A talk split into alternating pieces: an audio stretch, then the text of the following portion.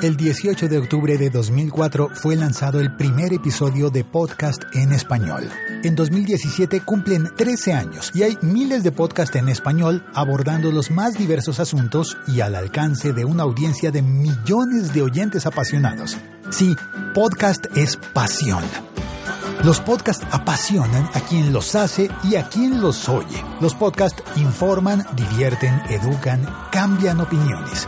Por eso te invitamos a celebrar con nosotros este décimo tercer aniversario, divulgando y acompañando el hashtag Día del Podcast. Ah, pero si no sabes lo que es podcast, entonces entra a diadelpodcast.com y empieza a descubrir todo lo que te pueden aportar los podcasts. El Día del Podcast es una iniciativa colectiva para promover los podcasts en español.